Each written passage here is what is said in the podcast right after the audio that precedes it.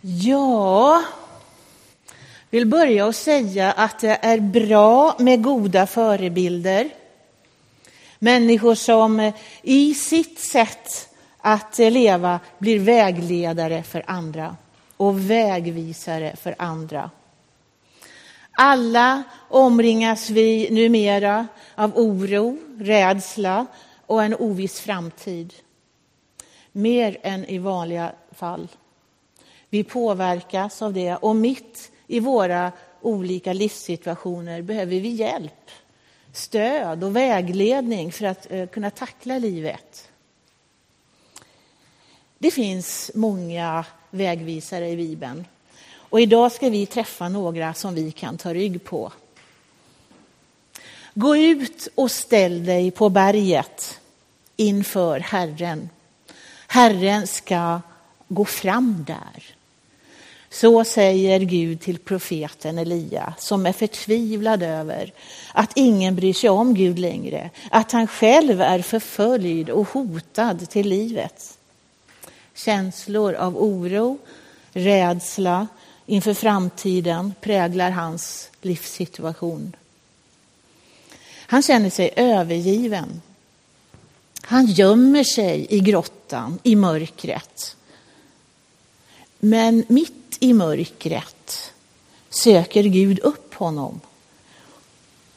Han kommer som en stilla susning och i den susningen får Elia möjlighet att känna igen sin Gud och hans röst. Hjälp är på väg. Och så vägleder Gud honom vidare och ut ur mörkret och in i profetgärningen som är hans. Elia visar oss att han litar på Gud. Han tar emot hjälpen som Gud vill ge honom. Drygt 800 år senare möter vi Jesu lärjungar, Jesu mor Maria och hans bröder i övre salen i Jerusalem. De känner sig också oroliga och vet inte riktigt vad som ska hända nu och i framtiden. När Jesus efter uppståndelsen från de döda visat sig för dem i 40 dagar och sedan lämnat jorden igen i himmelsfärden. De ber ständigt där. Det kan vi läsa om i Apostlagärningarnas första kapitel. De ber ständigt. Och mitt i ovissheten hör de säkert några av Jesu avskedsord till dem innan sin död. Och det är ord som ger dem hopp.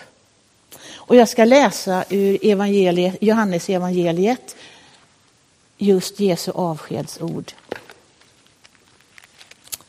Jag ska läsa från det 16 kapitlet och eh, verserna 12 till 15. Jag har mycket mer att säga er, men ni förmår inte att ta emot det nu. Men när, när han kommer, sanningens ande, ska han vägleda er med hela sanningen. Han ska inte tala av sig själv, utan förkunna det han hör och låta er veta vad som kommer att ske. Han skall förhärliga mig, ty av mig ska han ta emot det han låter er veta. Allt vad Fadern har är mitt. Därför säger jag att det är av mig han tar emot det han ska låta er veta. Lärjungarna lever i en omtumlande tid. En förändring är på gång. Det är både oroligt och spännande. Och de lever i väntan och förväntan mitt i mörkret där Jesus inte finns längre. Vad ska hända? Sanningens ande, hjälparen, vad betyder det? Och när kommer han? Men hos dem finns det också en ton av glädje inför det Jesus har lovat dem. De visste ju att Jesus inte hade övergivit dem utan lovat att de skulle få hjälp och vägledning. Så de ber ständigt efter hjälparen som ska komma. Vi sitter med facit. Vi vet hur det går. Hjälparen var på väg och kommer till dem på pingstdagen.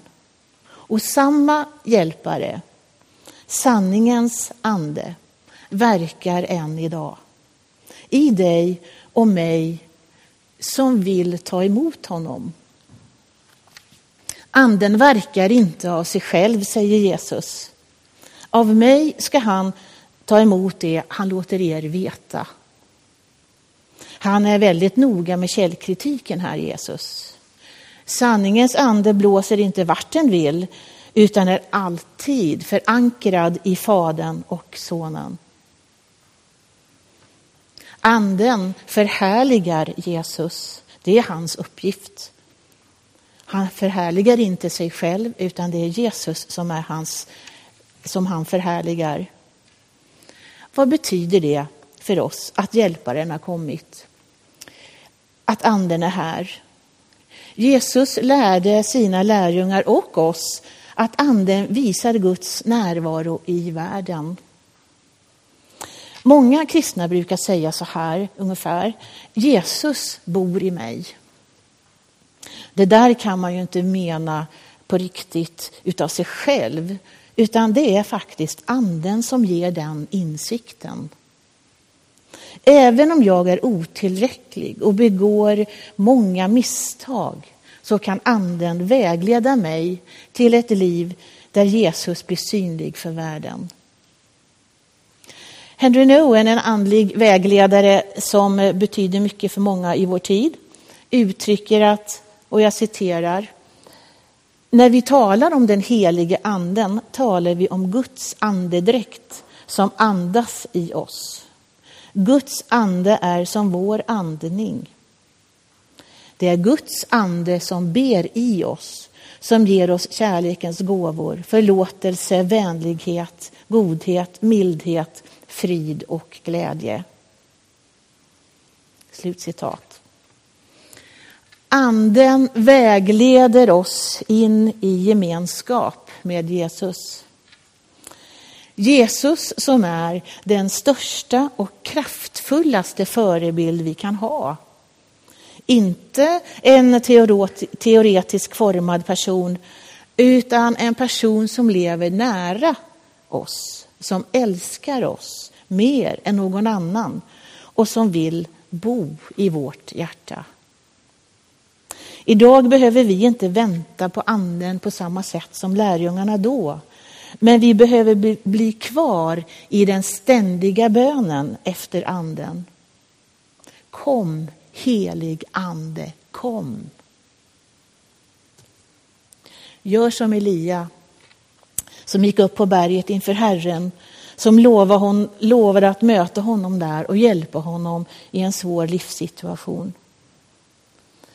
Mitt i en turbulent tid så har vi möjlighet till stillhet och ro. Som en susning kommer han till oss. Gud böjer sig ner till oss.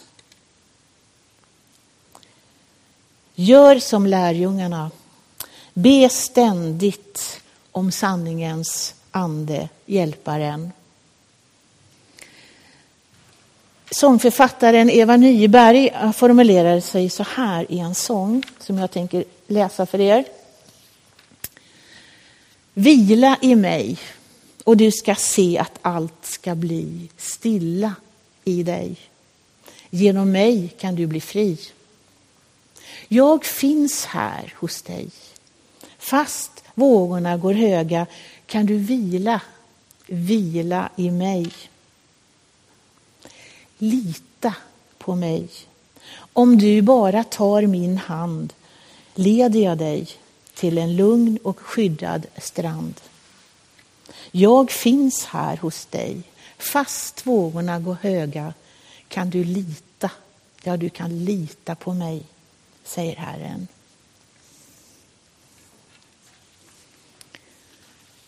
Avslutningsvis så vill jag läsa igen den saltarsalm som vi inledde gudstjänsten med. Och där du sitter, låt bönen om att, Gud, att Guds nåd ska vila över oss, ska väcka liv i vårt hopp om skydd och att sanningens ande ska leda oss in i gemenskapen med Jesus Kristus. Jag läser från Psaltaren 33. Herren vakar över dem som fruktar honom, över dem som hoppas på hans nåd. Han räddar dem från döden och håller dem vid liv i hungertid. Vi sätter vårt hopp till Herren. Han är vår hjälp och vår sköld. I honom har våra hjärtan sin glädje. Vi förtröstar på hans heliga namn. Herre, låt din nåd vila över oss, ty vi hoppas på dig. Amen.